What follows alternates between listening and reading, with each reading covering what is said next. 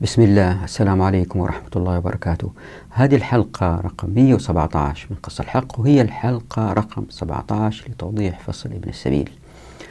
إذا تتذكروا في الحلقة الماضية توقفنا عند أنه كانت الزكاة تعود بالكامل إلى المدينة المنورة لأنه معاذ بن جبل رضي الله عنه في السنة الثالثة مع عمر بن الخطاب رضي الله عنه وارضاه آه، كان بينهم حوار وانتهى بأنه لأنه الزكاة كانت تعطى في الموقع لفقراء نفس الموقع وكانوا هذول يغتنوا وما كان في غارم ولا الناس كلهم مكتفين.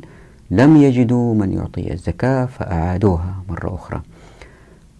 في هذه الحلقة نكمل وهو موضوع مهم. فأعطيكم الآن فكرة عن هذه الحلقة ثم إن شاء الله نذهب للتوضيح. اللي صار إنه مع اغتناء الناس في بعض المناطق اللي هي كان فيها فقر كان فيها غارمين بالتدريج بدأت هذه المناطق تغتني فصار في فائض في أموال الزكاة. ظهرت عدة أسئلة هي اللي راح نجاوب عليها في هذه الحلقة بالإضافة أنه نرد على شيخ فاضل معروف قال في كتابه أنه هذه الأيام لأن الظروف تغيرت الإسلام صالح لكل زمان ومكان يعني هذا الذي يقصده. إذا ممكن أنه نخرج على هذا الأصل. يعني بدأت الشريعة شوية شوية تتغير. فهذه المسألة راح نرد عليها رغم أنه قلت سابقا أنه جميع هذه الأقوال المعاصرة التي تغير الشريعة بالتدريج وضعتها في فصل المكوس. لكن أحد المشاهدين طلب أني أعطي مثال ففي هذه الحلقة راح نرد على هذا الشيخ. فراح أبين أولا أنه الزكاة ما تخرج من موقعها لمواضع أخرى مدن أخرى قرى أخرى إلا إذا كان هناك فائض وفي حاجة ماسة في تلك المنطقة الأخرى. وأبين الحكمة من هذا في جذب الأيدي العامة للمناطق اللي فيها خيرات أكثر. وأبين حكمة أخرى ألا وهي أنه فالعامل عليها والسكان اللي يمكن يخرجوا زكاة بمعرفتهم لما يعطوها للسكان في نفس الموقع إذا فكرنا بهذه الطريقة جميع المواقع في العالم الإسلامي كل موقع يكون قوي ومتمكن وبالتالي هذه المناطق لما تكون قوية ومتمكنة الحاكم أو السلطان في المركز ما عنده فائض مالي يقدر يسخر جنده يقدر يسيطر على هذه المناطق. فيستمر في الحكم إذا كان حاكم عادل. إذا لم يكن حاكم عادل فما عنده ما الذي يعينه على الطغيان. وهذه هي الحكمة الثانية. ثم بعد ذلك نمر على آثار توضح أنه عمر بن عبد العزيز مثلا رد الزكاة من المنطقة اللي جات منها. يعني مثلا جاته زكاة من خراسان إلى دمشق رجعها مرة ثانية إلى خراسان. يعني مو قبلها بعد ما جاته خبطت هذا المشوار لا رجعها. إشارة إلى أهمية أن الزكاة تبقى في الموقع. يعني شوفوا كيف يتعاملوا مع الإسلام على أنه أوامر مو أشغل عقلي وأشوف هنا تصلح ولا ما تصلح؟ وبعد كده أحكم زي ما بيسووا المعاصرين بالعقل البشري القاصر. ومن المسائل اللي نناقشها إن شاء الله أنه إذا كان المخرج للزكاة دفع الزكاة لأقارب له في منطقة أخرى غير المنطقة التي خرج منها الزكاة. يعني واحد عنده مصنع في المنطقة ألف ودفع الزكاة لقريب له في المنطقة ب. الفقهاء ناقشوا هذه المسألة يجوز أو لا يجوز؟ وأيضا مسألة متصلة بهذه المسألة وهي مسألة حلوة أنه إذا كان شخص عنده استثمار في بلد عنده مزرعة مثلا أو وهو ساكن في منطقة أخرى يعني صاحب المال في بلد والمنشأة التي تخرج الزكاة في بلد آخر يمكن أشتغل وتمكن وبعدين خلى ولده يشتغل في المصنع أو المزرعة وهو راح لمدينة أخرى أين تخرج الزكاة؟ قال الفقهاء تخرج من المكان الذي تخرج منه الزكاة وليس هو أين ساكن شوفوا كيف التفصيلة حلوة هذه مهمة ليه؟ لأنه لأنه الزكاة لما تخرج من المنطقة اللي يخرج منها المال لتلك المنطقة ينجذب الفقراء والمحتاجين للعمل. يعني هذه المنطقة اللي فيها خير وبالتالي بتخرج زكاة هي اللي نجذبوا لها وليس أين يسكن صاحب المال. وأيضا من المسائل التي راح نمر عليها مرور سريع هي أنه إذا شخص خالف وأخرج الزكاة للمسمين في مناطق أخرى غير المنطقة التي خرج منها مال الزكاة. نمر أيضا على سؤال ماذا إذا نسي العامل على الصدقة أحد المستحقين؟ يعني في فقير امرأة فقيرة ما عرف عنها ونسي يعطيها. هل له الحق هذا المستحق للزكاة السنة القادمة أنه يأخذ عن سنتين مثلا؟ ونمر على قصة مؤثرة عن عمر بن الخطاب رضي الله عنه لتوضيح هذه المسألة. بعد كده نمر على الرأي أو المذهب الذي قال فيه هذا الفقيه المعاصر وهو معروف جدا وكيف أنه أعمل العقل البشري لأنه نظر للوضع الحالي القريب اللي إحنا فيه ولم ينظر إلى المآلات المستقبلية التي ستحدث من جراء الفتوى التي ذهب إليها. الفتوى التي ذهب إليها أنه يجوز نقل الزكاة من منطقة إلى أخرى ولإثبت هذه المسألة بيقول أنه في مصالح هذه الأيام نراها بوضوح في مناطق أخرى إذا نعطيها الزكاة. فيكون الرد بعدة نقاط نقرأ النصوص اللي وضحتها هنا على الشاشة ونرد عليها. وطبعا زي ما أنتم عارفين إنه بالتأكيد أيام الرسول صلى الله عليه وسلم كانت في مصالح للرسول صلى الله عليه وسلم وتحتاج أموال. مع ذلك ما سحب الأموال من مناطق أخرى. ويقول أيضا إنه الشخص المزكي قد تكون له مصالح مع أقارب أو مع ناس يعرفهم أو مشاريع معينة في مناطق أخرى. وفيها خير كثير وبالتالي ممكن للشخص هذا أنه يدفع الزكاة لهؤلاء. هذه الحيثيات كانت موجودة أيام الرسول صلى الله عليه وسلم وبشكل أكبر. يعني كان الرسول صلى الله عليه وسلم يحتاج الأموال للجهاد في ذلك الوقت أكثر من الآن لأن الإسلام كان حديث وكان يمكن تأتي الدولة الرومانية أو الفارسية وتقضي على الإسلام. مع ذلك الرسول صلى الله عليه وسلم لم يفعل ذلك. يعني الحيثيات اللي بيستشهد فيها الشيخ موجودة أيام الرسول صلى الله عليه وسلم بشكل أقوى. لكن الإسلام لأنه من عند الله سبحانه وتعالى ولأنه في مآلات بعيدة يعني أشياء لن يستطيع العقل البشري مشاهدتها الآن أنه المناطق هذه عندما تقوى التي يخرج منها الزكاة لأن أموال الزكاة كانت فيها عندما تقوى هذه المناطق الأمة كلها تقوى. وبالتالي لن تكون هناك مناطق تحتاج إلى مصالح أكثر من مناطق أخرى لأنه الكل مغتني. حقيقة الواحد يتعجب من هذه الأقوال المعاصرة اللي هي ما هي متخصصة في علم التنمية والاقتصاد. مثلا من الأشياء التي نرد عليها فيها أنه كان في شخص اسمه قبيصة بن المخارق وكانت عليه حمالة والحمالة هي التزام مالي لدفع دية عن المقتول فاللي صار أنه هذا الشخص هو من نجد وأتى إلى المدينة المنورة. وانتظر ألين الرسول صلى الله عليه وسلم أعانوا على حمالته. فبيستشهد هنا الشيخ جزا الله خير وهو رجل فاضل وبيقول أنه أهو هذا من نجد وجاءت أموال من الحجاز وأعطاله هي. لا هي المسألة ما هي كده. قبيصة كان موجود في المدينة المنورة. فأبين أنه المسألة ليست بالنسب ولكن المسألة بالتواجد في المكان. فمثلا واحد ليبي يحتاج مال ويرى أنه في زكاة بتخرج في تونس. يروح تونس ويجلس هناك وينتظر ويعطوه. وبعدها يغتني يمكن يقرر البقاء في تلك المنطقة لأنه فيها فرص عمل أكثر أو العكس تونس إلى ليبيا. أنا بس بعطي أمثلة يعني عشان الصورة تتضح. وبكذا تستنتج أنه هذه إشكالية كبرى في الفقه المعاصر أنه بعض الفقهاء ما عندهم تمكن في علوم العمران ولا الاقتصاد وبيفتوا.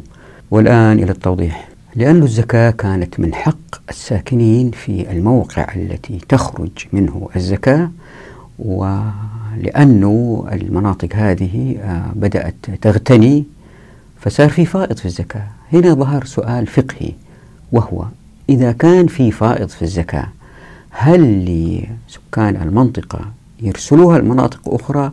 وبالذات إذا كانت بعض المناطق محتاجة لهذا الشيء فكان آه، رأي الحنابلة أو مذهب الحنابلة في هذا الموضوع.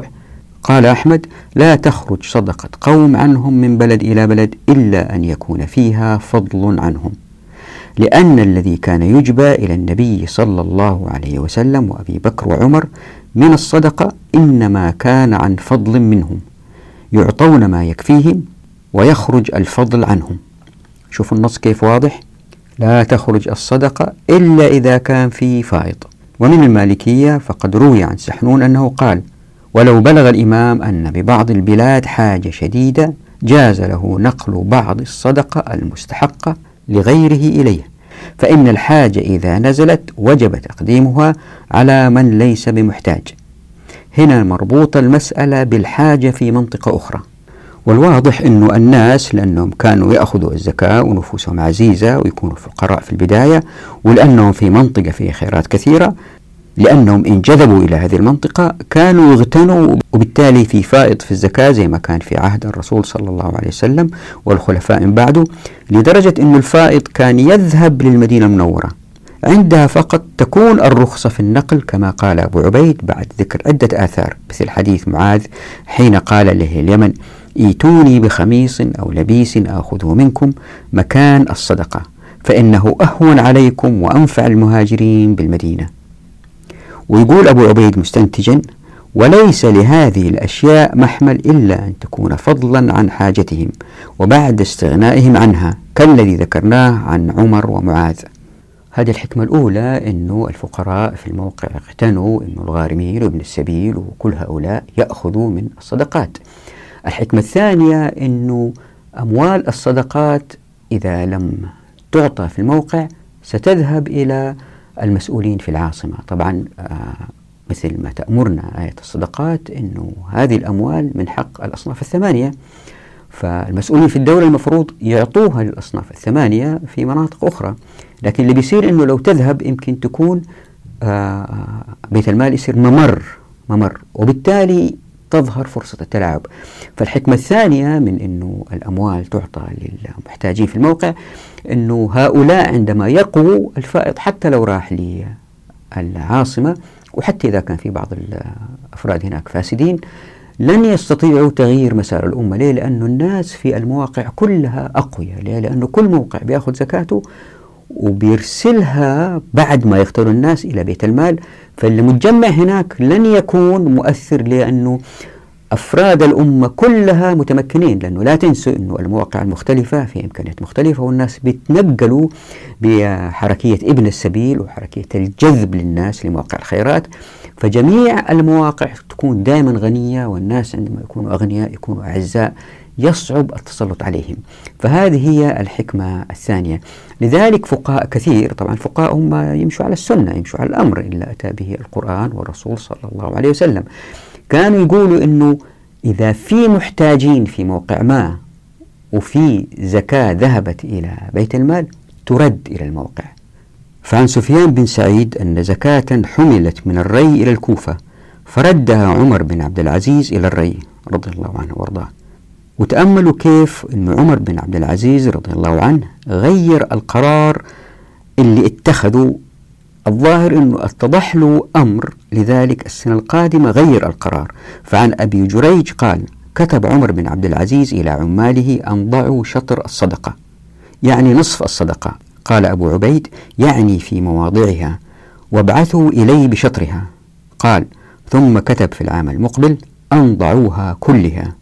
يعني كل الزكاة ضعوها في المستحقين في الموقع. وروي عن عمر بن عبد العزيز أنه رد زكاة أتي بها من خراسان إلى الشام إلى خراسان يعني ردها إلى خراسان مرة ثانية. قصدهم إلى الشام لأنه عمر بن عبد العزيز كان في العاصمة إلا كانت في الشام. وطبعا مثل هذه الآثار توضح أنه ليش المدينة المنورة أيام الخلفاء الراشدين الأربعة ما كبرت ونمت وازدهرت زي أي عاصمة تشوفوها الآن. الآن يصير انقلاب في منطقة تظهر عاصمة العاصمة دي تكبر. مثلا آه، دمشق كبرت وازدهرت أيام الأمويين. بعد ما جو العباسيين بغداد أنشأت من الصفر وازدهرت و بينما المدينة منورة أنهم كانوا يطبقوا فعل الرسول صلى الله عليه وسلم بوضع الأموال في المحتاجين في المنطقة اللي هم فيها. كانت المناطق تزدهر. هي إيش؟ إلا هي في خراسان إلا هي في المغرب إلا هي في مصر إلا هي في المناطق المختلفة. لذلك كانت الأمة قوية وعزيزة. كل أفراد الأمة أقوياء وأعزاء. ما يمكن نوجد أمة قوية عزيزة وبعض أفرادها أذلاء هذا مستحيل. وطبعا ظهرت بعض الاستثناءات لأنه بعض الناس اللي بيزكوا لديهم أقارب فقراء أقارب من الدرجة الأولى في مناطق ولد خالته ولد عمه في مناطق قريبة في قرية ثانية يعني على بعد 10 20 كيلو. وفي فقراء في نفس المنطقة فيمكن فضل أولئك. فهنا ظهر سؤال بين الفقهاء أنه إذا واحد له أقارب وجهل مثلا هذه المسألة إيش الحكم في هذه المسألة؟ فمثلا يقول أبو عبيد فإن جهل المصدق فحمل الصدقة من بلد إلى آخر سواه. يعني الشخص المكلف من العاملين عليها بأخذ الزكاة نقلها إلى منطقة أخرى وفي محتاجين في نفس المنطقة وبأهلها فقر إليها. ردها الإمام إليهم كما فعل عمر بن عبد العزيز وكما أفتى به سعيد بن جبير. إلا أن إبراهيم والحسن ترخصا في الرجل يؤثر بها قرابته يعني الراجل اللي يطلع الزكاة وليس العامل عليها. الراجل أو الشخص أو الامرأة التي تخرج الزكاة لها أقارب لها أقارب في منطقة أخرى. وإنما يجوز هذا للإنسان في خاصة ماله. فأما صدقات العوام التي تليها الأئمة فلا. ومثل قولهما حديث أبي العالية وقد كان أبو العالية يحمل زكاته إلى المدينة المنورة. قال أبو عبيد ولا نراه خص بها إلا أقاربه أو مواليه. وروي عن الحسن والنخعي أنهما كرها نقل الزكاة من بلد إلى بلد إلا لذي قرابة. طب إيش يصير إذا كان الإنسان في بلد وماله في بلد آخر. يعني مثلا واحد سكن في منطقة وسوى فيها مصنع وبعدين تقاعد وراح عاش في منطقة أخرى. والمصنع هذا مثلا بيدير ولده ولا موظفين عنده. قال أحمد في رواية محمد بن الحكم إذا كان الرجل في بلد وماله في بلد فأحب إلي أن تؤدى حيث كان المال. طبعا الإمام أحمد ما يقول أحب إلا يكون عنده أثر بيستند عليه. فإن كان بعضه حيث هو وبعضه في مصر يؤدي زكاة كل مال حيث هو. يعني واحد عنده استثمارات في البلدة ألف واستثمارات أخرى أولاد آخرين بيشتغلوا في البلدة باء. زكاة هذه البلدة يأخذها المحتاجين هنا المستحقين هنا. زكاة هذه البلدة يأخذوها المستحقين هنا. شوف الحرص الشديد كيف من الفقهاء في هذه المسألة اللي هي ثابتة وواضحة وضوح الشمس. هنا أيضا ظهر سؤال فقهي. ما الذي يحدث إذا كان شخص عنده زكاة وخالف وأخرجها في موضع آخر؟ يعني أعطاها لناس مستحقين في بلد آخر غير البلد الذي هو. تجزئ أو لا تجزئ؟ شوفوا المسألة كيف كبيرة ومهمة. وراح أوضح بعدين ليش آه أنه الإسلام يصر على أنه الزكاة تعطى في نفس الموقع لأنه في مسألة التئام. هذا المنطق إذا تلتئم جروحها تكون قوية تساعد المناطق الأخرى في, في الالتئام. فإن خالف المزكي ونقلها لبلد آخر بالنسبة للحنابلة في قولين. الأول أنها أجزأته في قول أكثر أهل العلم وذلك لأنه دفع الحق إلى مستحقيه فبرئ منه كالدين والآخر لا تجزئه لأنه دفع الزكاة إلى غير من أمر بدفعها إليه. أشبه ما لو دفعها إلى غير الأصناف الثمانية وقد أختارها ابن حامد. وبالنسبة للشافعية فقد أتى في المجموع فحاصل المذهب أنه ينبغي أن يفرق الزكاة في بلد المال فلو نقلها إلى بلد آخر مع وجود المستحقين فللشافعي رضي الله عنه في هذه المسألة قولان وللأصحاب فيه ثلاثة طرق أصح عندهم أن القولين في الإجزاء وعدمه أصحهما لا يجزئه والثاني يجزئه ولا خلاف في تحريم النقل والطريق الثاني أنهما في التحريم وعدمه أصحهما يحرم والثاني لا يحرم ولا خلاف أنه يجزئ. فتأملوا هذا الحوار بين الفقهاء وهذا مثال يعني واحد يقرأ كتب الفقه يجد الكثير من هذه الأمثلة ومن هذا الحوار بينهم تجزئ ما تجزئ. إشارة إلى أهمية وعظمة مسألة نقل المال الزكاة من الموضع التي تظهر منه هذه الزكاة. بينما يعني هذه أكد لك أن الإسلام هذا مختلف دين يختلف عن باقي الأنظمة والقوانين. الإسلام هو اللي يصر على هذه المسألة يصر عليها. بينما الأديان الأخرى الخزعبلاتية طبعا أنا بتكلم عن اليهودية والنصرانية كما تتصح يعني قبل أن تحرف والله أعلم هذه مسألة ما بحث فيها. لكن الأديان الأخرى البوذية الهندوسية المذاهب الآن الوضعية الديمقراطية كلها تشوف ما في مشكلة في نقل الأموال من مكان إلى آخر. بينما الإسلام يصر على هذه المسألة. هذه أكد لك أنه هذا الدين دين معجز أنه هذا الإسلام دين حق. طيب ما الذي يحدث إذا كان العامل على الصدقة نسي فقير؟ نسي لأنه الفقير هذا يمكن ما كان موجود يوم التوزيع أو آه لسبب ما ما شافه ما دري عنه أو الشخص ما تكلم أو ما حد أشار أنه هذا فقير نسي. هل له الحق في الصدقة السنة القادمة عن السنة الماضية أيضا لأنه هذا حق هل يسقط؟ قال أبو عبيد فإن لم يعلم الإمام بحاجة أهل الصدقة حتى يقسمها في غيرهم أو فعل ذلك بعض عماله ثم علم به هو بعد فإنه يروى عن عمر بن الخطاب رضي الله عنه أنه أضعف الصدقة يعني سواها ضعف أنه أضعف الصدقة في مثل هذا من قابل يعني من السنة القادمة. يعني السنة اللي تليها أعطاهم الضعف. ويروي هنا أبو عبيد قصة مؤثرة عن عمر بن الخطاب رضي الله عنه. بين عمر نصف النهار قائل في ظل شجرة قائل يعني ماخذ قيلولة مرتاح وإذا أعرابية فتوسمت الناس فجاءته فقالت إني امرأة مسكينة ولي بنون. وإن أمير المؤمنين عمر بن الخطاب كان بعث محمد بن مسلمة ساعيا فلم يعطنا. فلعلك يرحمك الله أن تشفع لنا فيه. قال فصاح بيرفأ أن ادعو لي محمد بن مسلمة. فقالت إنه أنجح لحاجتي أن تقوم معي إليه. فقال إنه سيفعل إن شاء الله. يعني هي ما يعرف أن عمر بن الخطاب أمير المؤمنين. فجاءه يرفأ فقال أجب. فجاء فقال السلام عليك يا أمير المؤمنين. فاستحيت المرأة. فقال عمر والله ما آلوا أن أختار خياركم. كيف أنت قائل إذا سألك الله عز وجل عن هذه؟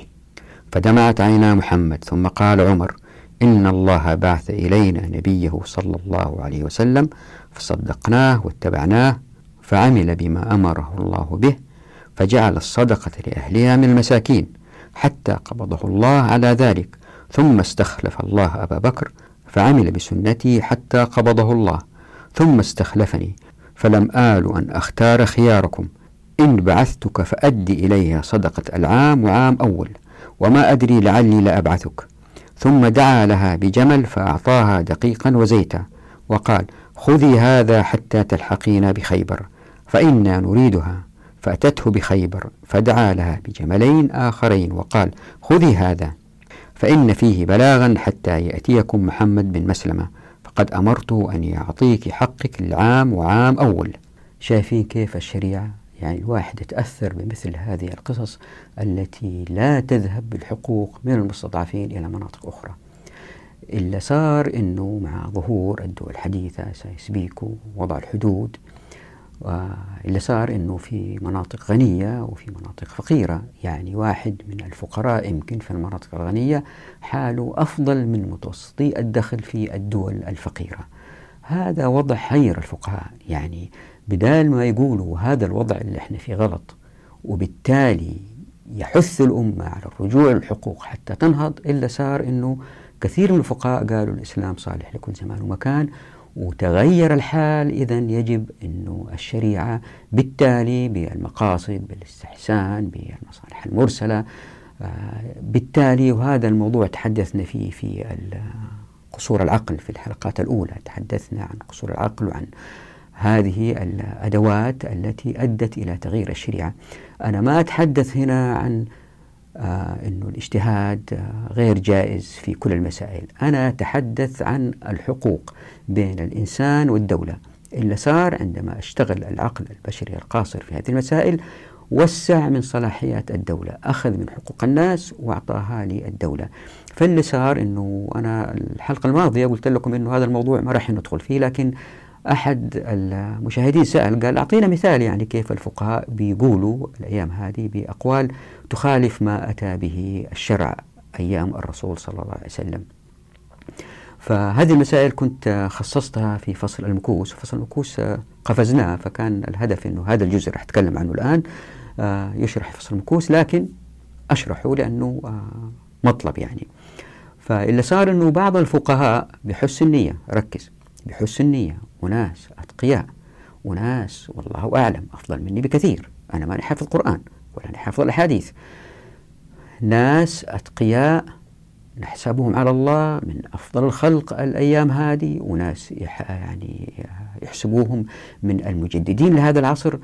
آه، قالوا بأقوال لا تمنع نقل الزكاة من مواضعها حتى إذا في محتاجين إلى مواضع أخرى.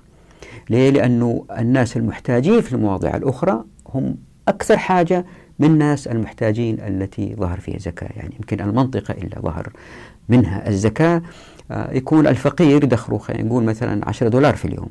في مناطق أخرى آه، لأنه في حدود بين الدول والمناطق تلك فقيرة دخل الأسرة يمكن يكون 4 5 دولار في الشهر وليس في, في اليوم.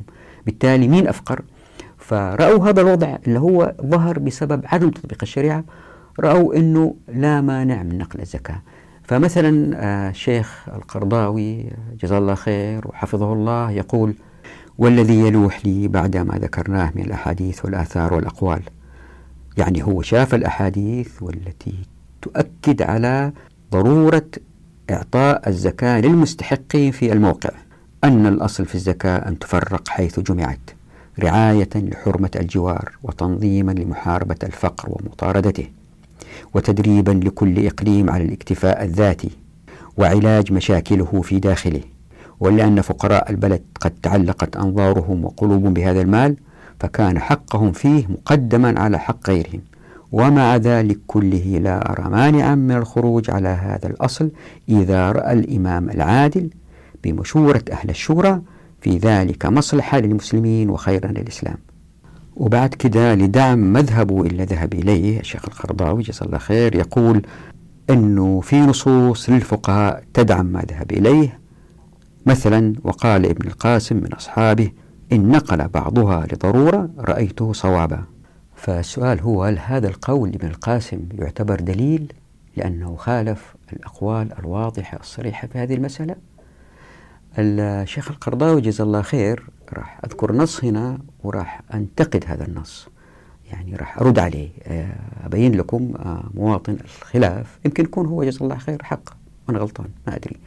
فالحكم هذا لكم بالأجيال القادمة النص يقول طبعا المقصود أنه النص الذي قاله القرضاوي ومما يؤكد ذلك ما يأتي. أولا أن أي بلد أو إقليم في الدولة الإسلامية الواسعة ليس جزءا مستقلا كل الاستقلال ولا ولاية منفصلة عن سائر الولايات ولكنها ترتبط بالحكومة المركزية وبسائر المسلمين ارتباط الجزء بالكل والفرد بالأسرة والعضو بسائر الجسد. وهذه الوحدة والترابط والتكافل الذي يفرضه الإسلام لا يستقيم معه أن يترك كل بلد وشأنه في عزلة عن البلاد الأخرى. وعن عاصمة الإسلام فإذا نزلت نازلة كمجاعة أو حريق أو وباء ببلد كان أهله أحوج إلى العون وإسعافهم ألزم من ذوي الحاجة في بلد الزكاة. ثانيا أن هناك مصارف مثل تأليف القلوب على الإسلام والولاء لدولته ومثل سبيل الله فقد اخترنا أنه يشمل الجهاد وما في حكمه من كل عمل يعود على الإسلام بالنصر وعلو الكلمة. ومثل ذلك إنما يكون غالبا من شأن الإمام وبتعبير عصرنا من شأن الحكومة المركزية. حتى لو قصرنا مدلول سبيل الله على الجهاد فإنه في عصرنا ليس من شأن الأفراد ولا الإدارات المحلية بل هو من شؤون الدولة العليا. ومن هنا يتحتم أن يكون للحكومة المركزية مورد تنفق منه على هذه الأمور التي تفرضها مصلحة الإسلام ومنفعة المسلمين. فإن كان لديها من الموارد ما يغنيها عن الزكاة فبها ونعمت. وإلا فالإمام أن يطلب من زكوات الأقاليم ما يسد تلك الثغرات. ومن هنا ذكر القرطبي قولا لبعض العلماء في هذه المسألة وهو أن سهم الفقراء والمساكين يقسم في موضع المال أما سائر السهام فتنقل باجتهاد الإمام. وهذا من الأمور الاجتهادية التي يجب أن يؤخذ فيها برأي أهل الشورى كما كان يفعل الخلفاء الراشدون. ولذا لا تخضع لتحديد ثابت. ولا يعتبر أخذها أمرا لازما مضطردا في كل عام. ثالثا إن مما اشتهر حتى صار يقينا أن النبي صلى الله عليه وسلم كان يستدعي الصدقات من الأعراب إلى المدينة ويصرفها في فقراء المهاجرين والأنصار.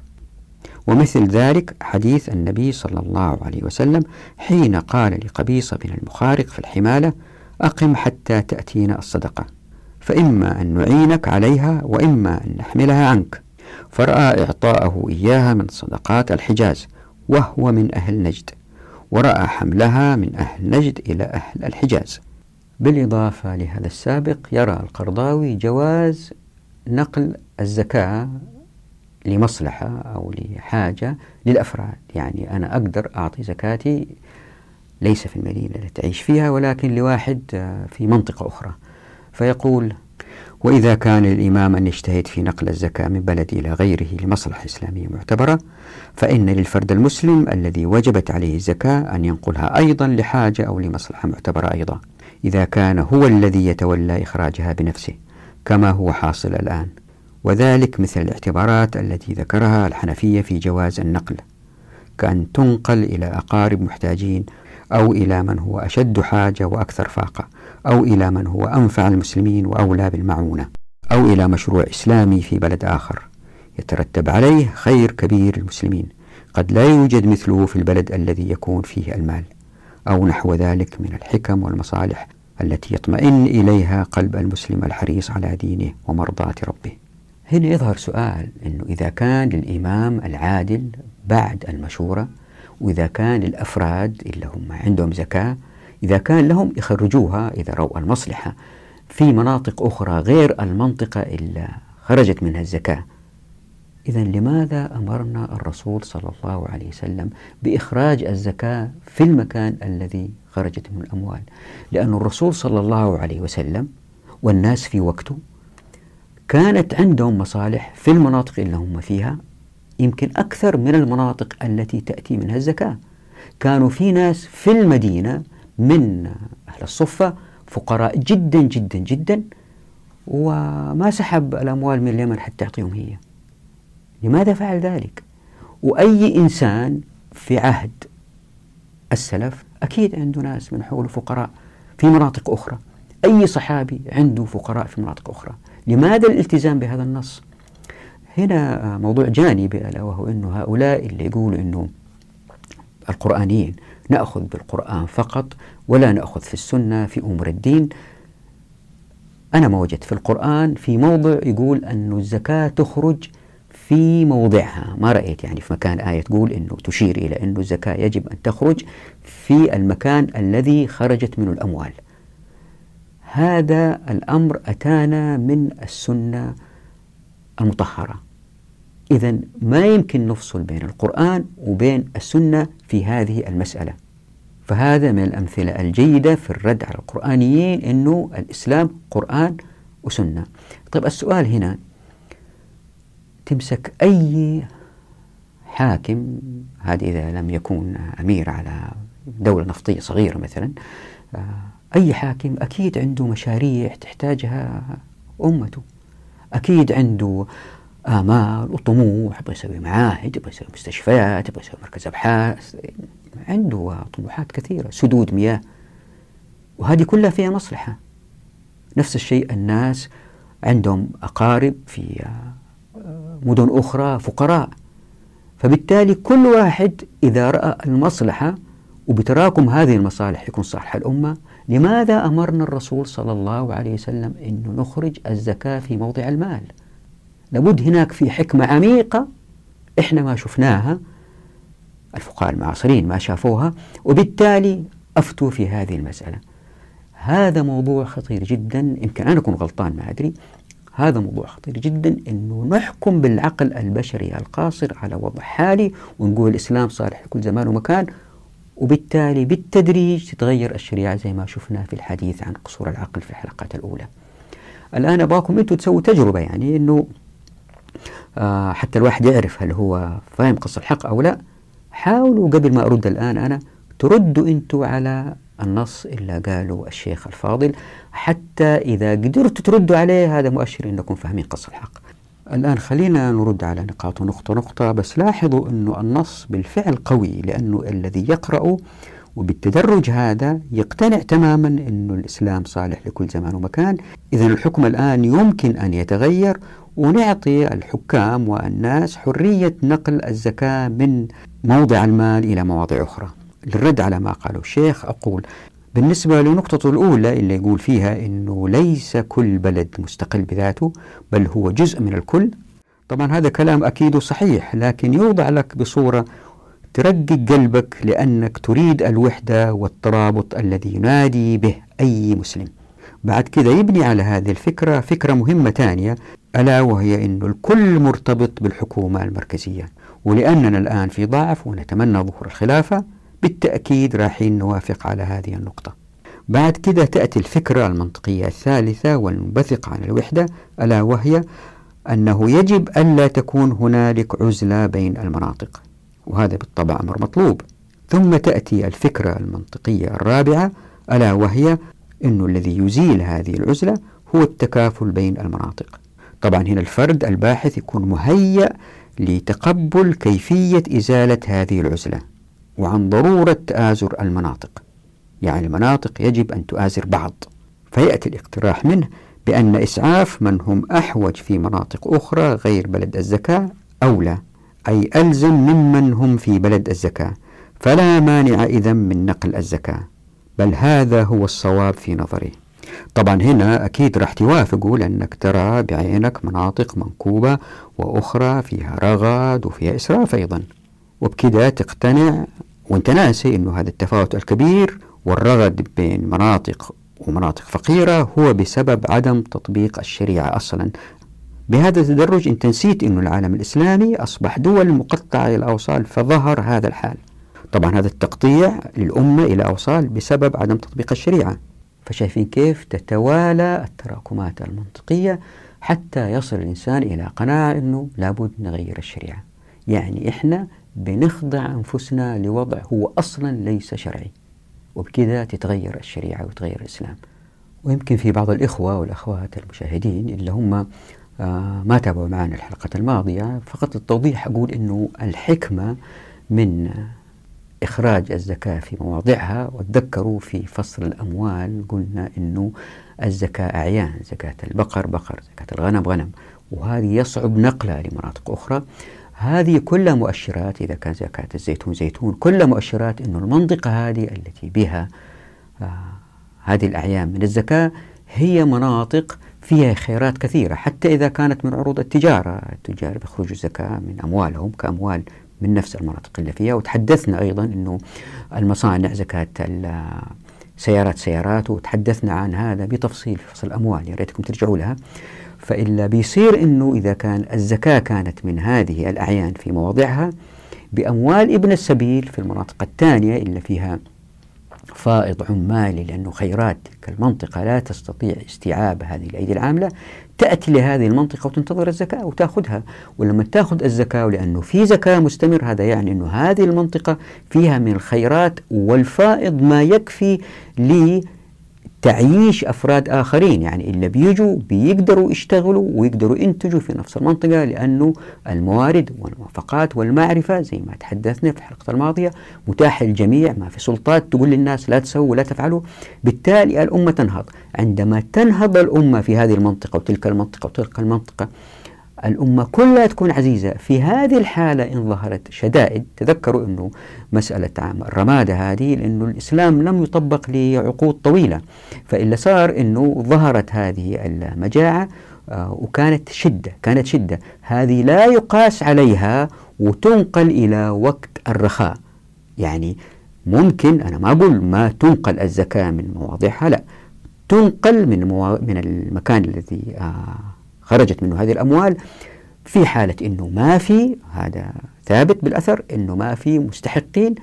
زائد إذا كانت في شدائد شديدة وهذه الشدائد انتبهوا وهذه الشدائد إن كان طبقت الشريعة لفترة طويلة وكانوا المسلمين مغتنين في معظم المناطق إن ظهرت شدة في منطقة الكل في المناطق الأخرى يتآزر مع تلك المنطقة. زي ما شايفين أنتم تحدثنا مرة عن المؤسسات هذه الخيرية اللي يقوم فيها بعض الأفراد المتطوعين هيئة الإسلامية العالمية مثلا. آه هذه الهيئات تجمع الأموال وتكون نشيطة جدا لأنه ما في بيروقراطيات وليست كالدول تتحرك بسرعة وخفة لنجدة هؤلاء المصابين بسبب الشدائد لأن الأمة كلها تخيلوها من موريتانيا إلى الصين.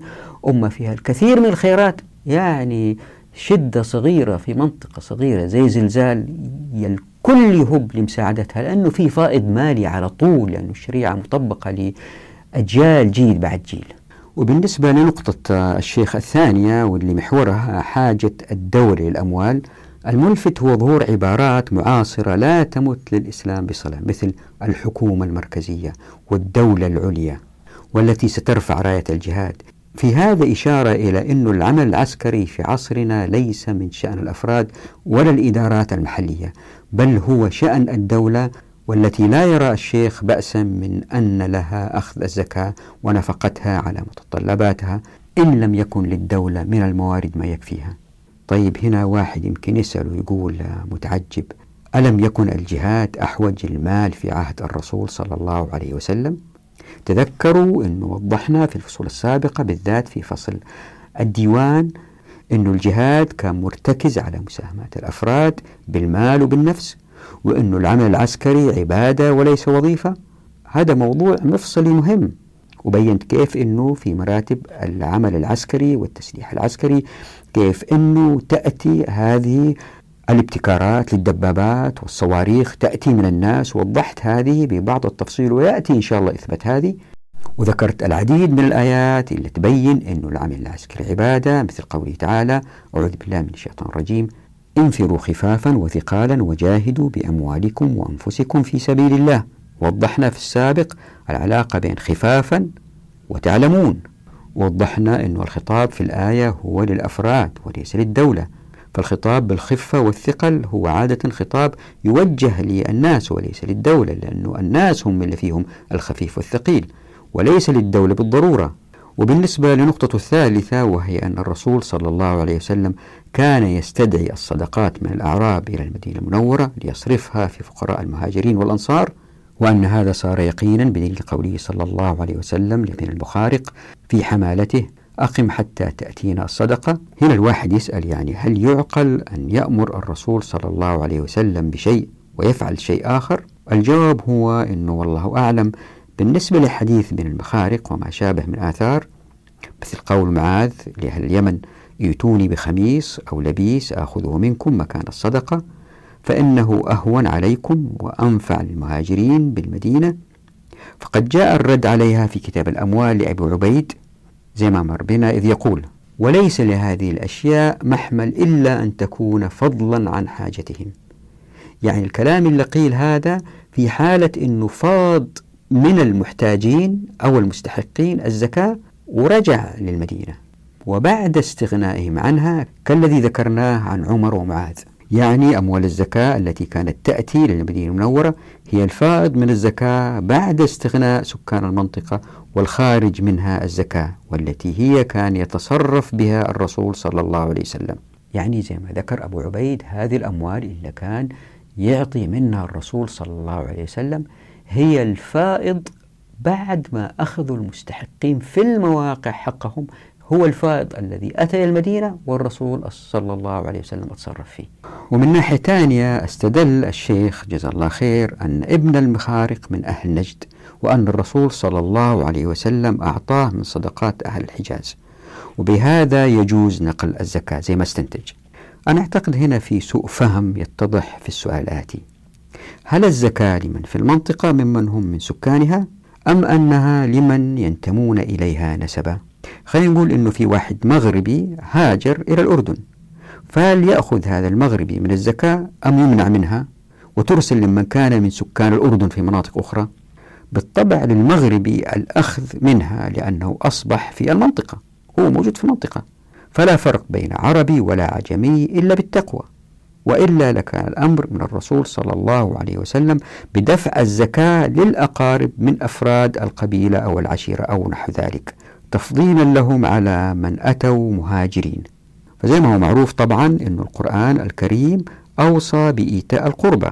وهذا غير الزكاة كما في قوله تعالى أعوذ بالله من الشيطان الرجيم في سورة النحل إن الله يأمر بالعدل والإحسان وإيتاء ذي القربى وينهى عن الفحشاء والمنكر والبغي يعظكم لعلكم تذكرون. فاللي بحاول أوصل له أنه لا يصح الاستشهاد بأخذ رجل من نجد للفائض من زكاة أهل الحجاز. يعني إن ظهر الألمنيوم بكميات تجارية في موريتانيا مثلا وجذب أطيافا شتى من المسلمين ممن يعيشون في الصين أو اليمن أو الصومال وكانوا فقراء فهم أحق بالزكاة من الموريتاني الذي هاجر إلى ليبيا مثلا.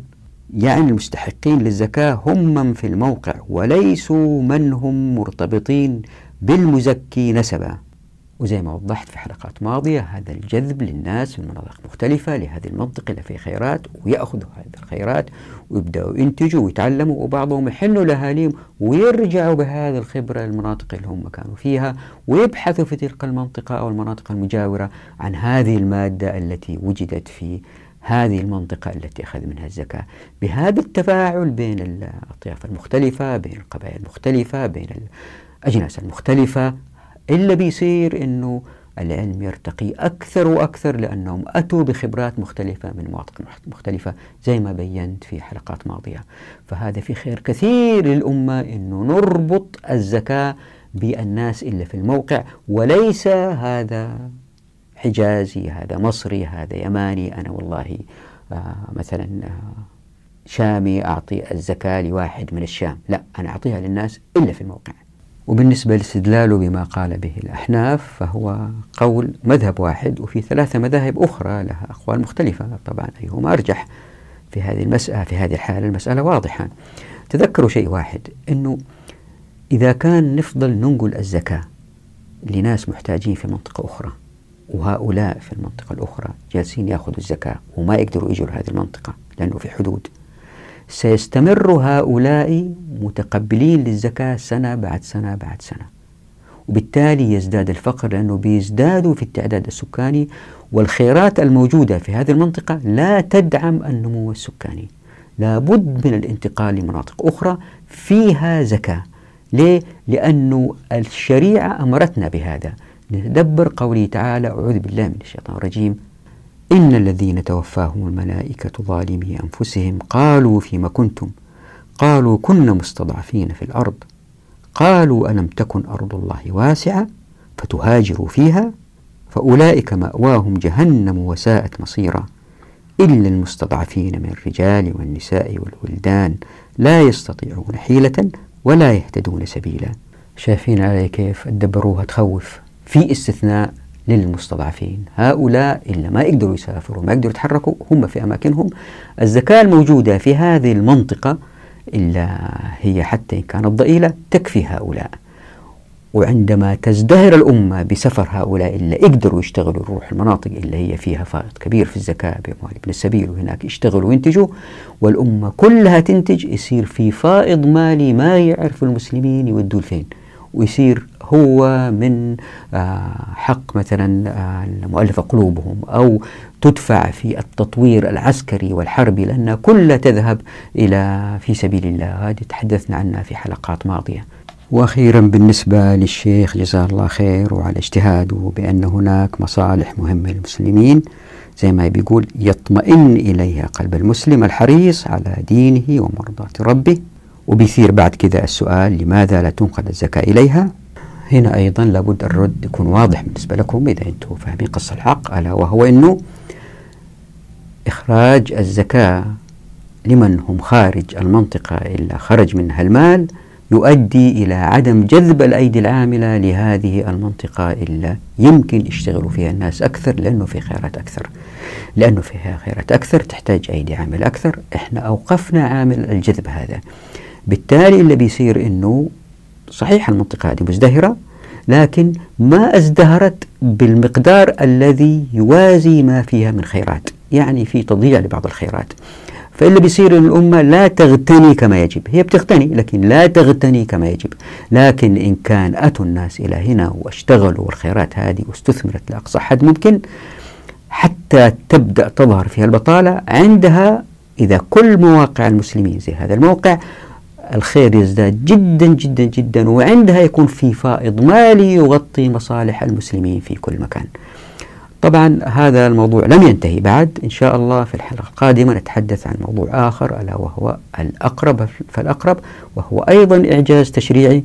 ستروا كيف إن شاء الله بإذن الله أن هذه الحركيات تكمل بعض للنهوض بالأمة. نتوقف هنا نراكم على خير في أمان الله ودعواتكم.